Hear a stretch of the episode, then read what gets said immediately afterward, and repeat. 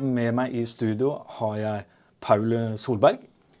Du er leder for eh, styrkeavdelingen. Hva er det du skal eh, fortelle oss eller snakke om i dag?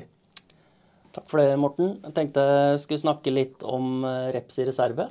En metode vi bruker ganske mye i daglig trening. Og ja, si litt om hva reps i reserve er for noe, og hva forskningen sier om det. Så avslutter vi litt med hvordan vi bruker det i praksis. Ja, dette ser vi fram til.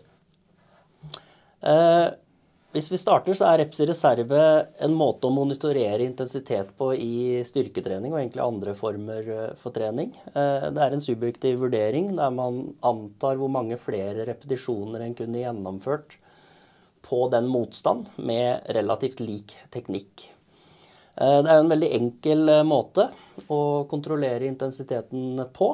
Man bare spør utøver. Og så har vi litt mer kontroll på indre belastning. Jeg kommer litt tilbake til det etterpå.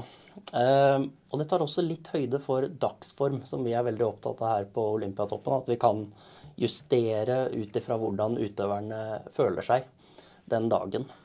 Hvor mange reps skal du ha i reserve? Jeg må ha i hvert fall én, tenker jeg. Forhåpentligvis to. Men vi ser. Det er mye kilo, så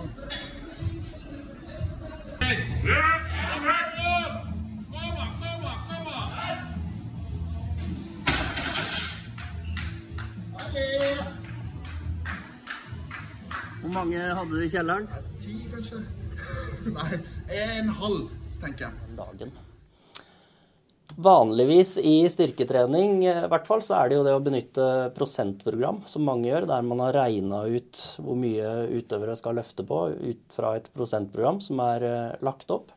Det vi vet, er jo at det er enormt store individuelle forskjeller på hvor mange repetisjoner som utøvere klarer på forskjellig prosent av belastningen. Det er litt avhengig av genetikk og litt hvordan de har trent før. Så hvis vi setter opp en eh, tre repetisjoner på 90% så kan det være fryktelig tungt for noen, men det kan også være lett for andre. I tillegg så vet vi at det er eh, veldig store variasjoner i forhold til respons, hvordan utøvere responderer på samme type trening. Og Derfor er vi også opptatt av å kunne bruke en annen metode enn at alle gjør den samme prosenten, som man ofte gjør i prosentprogram. Ehm, dette med respons til trening er jo avhengig av veldig mange variabler. Dette er en litt rotete slides, men det sier litt om hvor mange ting som påvirker eh, hvordan respons vi får på trening. Det kan være gener, selvfølgelig, men også stress i livet, skolen, søvn ernæringsfaktorer som påvirker adaptasjonen vi får. Og, og, Derfor er vi veldig opptatt av å kunne tilpasse og justere treninga ut ifra disse faktorene også. Et prosentprogram som vanligvis eh, er benytta, er jo mye mer låst og tar mindre hensyn til alt det andre som skjer i livet til en utøver. Eh, det har skjedd litt på forskningsfronten eh, siste åra, og tidligere har det jo vært typisk forskning eh, innen styrketrening der de trener såkalt RM-trening, eller at man går til failure, at man løfter da hver serie til man ikke klarer flere repetisjoner. Og nå har de gjort en del forskning på det, og sammenligna da det å trene til failure, som vi sier, at ikke du klarer å gjennomføre løftet, eller at man har noen repetisjoner i reserve som vi snakker om non-failure. Og, og, det ser faktisk ut til at du har vel så god, og kanskje like god effekt, eller bedre i noen tilfeller, på å ikke gå til failure. Og det er klart, for, eh, for oss så har jo det en eh, stor innvirkning, i og med at de fleste utøverne vi trener, driver jo også med noe annet enn bare å løfte vekter, f.eks. Og da er vi over eh, til det praktiske rommet, Paul. Eh, hvordan gjennomføres reps i reserve av våre fagfolk, av våre trenere her på Olympiatoppen?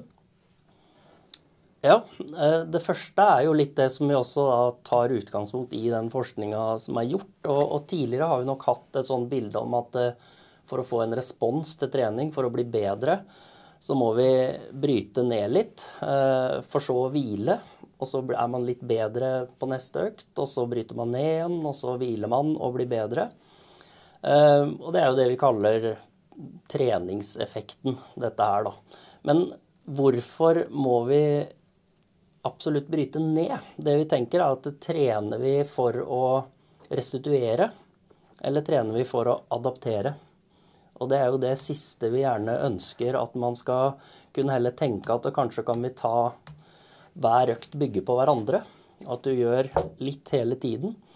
Og som jeg sa, de fleste utøverne vi har, de driver jo ofte med håndball, ishockey, alpint ved siden av løftinga. Og da blir det kanskje ekstra viktig å ikke bryte de for mye ned på særlig styrketreninga. For de skal gjennomføre noe annet enn mm. bare å løfte knebøy, f.eks. Så typisk så har vi et styrkeprogram. Det er også dessverre litt rotete, men da setter vi opp hvor mange serier og repetisjoner de skal gjøre. Og så står det da i kolonna der for å styre litt hvor tungt de skal løfte sånn cirka hvor mange reps i reserve som de skal ha på hver serie. Og det er jo en vurdering de da gjør etter at det er gjennomført. Hvor mange repetisjoner til de kunne klart på den. Og, og det setter vi opp i, i alle programma vi gjør, for å da justere ut ifra både dagsform og, og hvordan de føler seg, og litt i forhold til hvor tungt det skal være. Jeg kan ta et eksempel også fra ishockey. Der vi bruker reps i reserve, f.eks. en ukeplan med kamp på tirsdag og lørdag.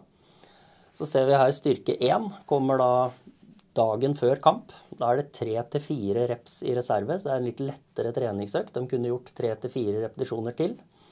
Styrke 2 den kommer da med tre dager til kamp igjen. Den kommer på onsdag, og så er det kamp på søndag. Da er det kanskje én til to reps i reserve. Så det er en litt tyngre styrkeøkt. Og så er det en ny økt igjen rett før kamp med fire-fem repetisjoner i reserve. Så det er også en lettere økt. I tillegg så er det jo dette med reps i reserve kan også gi veldig god kontroll i treninga. Vi trenger ikke alltid å gjøre det for å justere intensiteten, men vi kan også monitorere fremgang med det. Eh, F.eks. hvis du klarte seks repetisjoner på 100 kg i benkpress, og det var ingen reps i reserve på det. Mens eh, to uker senere så klarte utøver seks ganger 100 igjen, men hadde én til to reps i reserve, følte utøver. Og det er jo en fremgang i seg sjøl.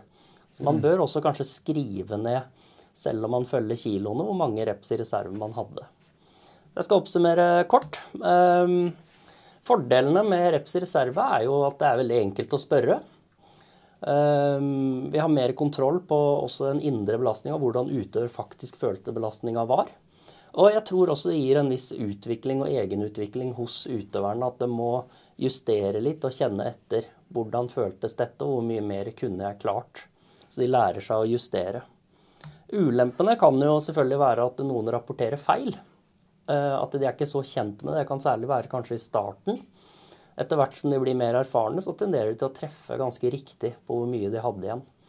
Og så skal man jo alltid være litt sånn hvis det blir for mye å kjenne etter i perioder. Så det er ikke alle som ønsker å, å benytte reps i reserve hele tiden, men heller bli tvinga litt til å, til å, gjennomføre det de skulle. Takk, eh, Paul. Dette var uh, presist. Dette var uh, veldig konkret og greit å forholde seg til. Takk skal du ha. Takk.